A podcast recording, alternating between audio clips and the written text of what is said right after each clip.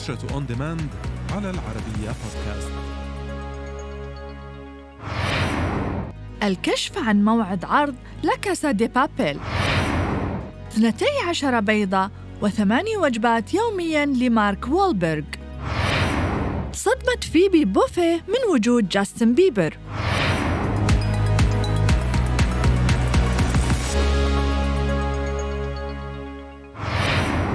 كشفت شبكة نتفليكس عن موعد عرض المسلسل المنتظر لا كاسا دي بابيل حيث سيعرض المسلسل على جزئين.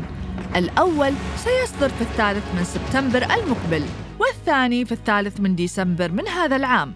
ومن المتوقع أن يتكون المسلسل من عشر حلقات ما يعني أن كل جزء سيتكون من خمس حلقات.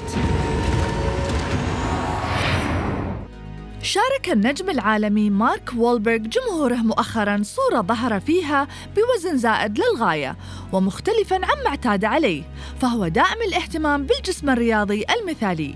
وصرح الطاهية الخاص بالفنان العالمي لموقع ديلي ميل عن الطريقة التي اكتسب بها 20 كيلوغراما لجسده بشكل سريع.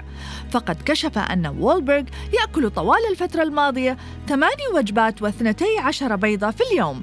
أي نحو سبعة آلاف سعر حراري من أجل تحقيق هذا التحول في مظهره. للظهور في فيلمه القادم Father Stu والذي يلعب فيه دور ملاكم يتحول إلى كاهن.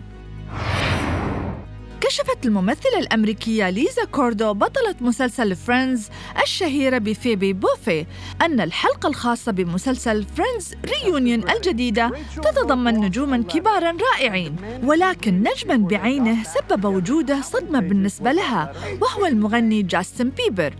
وعبرت كوردو عن حماستها لاستضافة بيبر في الحلقة. وطلبت التأكد من الخبر عندما علمت أنه سيكون في الحلقة الخاصة من المسلسل. طرحت شركة مارفل العرض الترويجي الرسمي لفيلمها المقبل Eternals والمقرر عرضه في الرابع من نوفمبر المقبل بدور العرض العالمية. وتدور أحداث الفيلم حول مجموعة متنوعة من الأبطال الخارقين الذين عاشوا على الأرض سراً لآلاف السنين. ويتعاونون معا لحماية البشر من أي اعتداء أو تهديد. الفيلم من بطولة أنجيلا جولي وريتشارد مادن وسلمى حايك.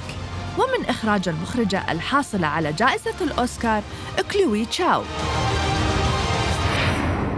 كشفت شبكة نتفليكس عن العرض الترويجي الرسمي لفيلم Gunpowder Milkshake وتدور أحداث الفيلم عن سام وهي امرأة تخلت عنها والدتها القاتلة السابقة. فأصبحت سام قاتلة تعمل لصالح الشركة التي تركتها والدتها منذ سنوات. سيعرض الفيلم في الرابع عشر من يونيو القادم على منصة نتفليكس.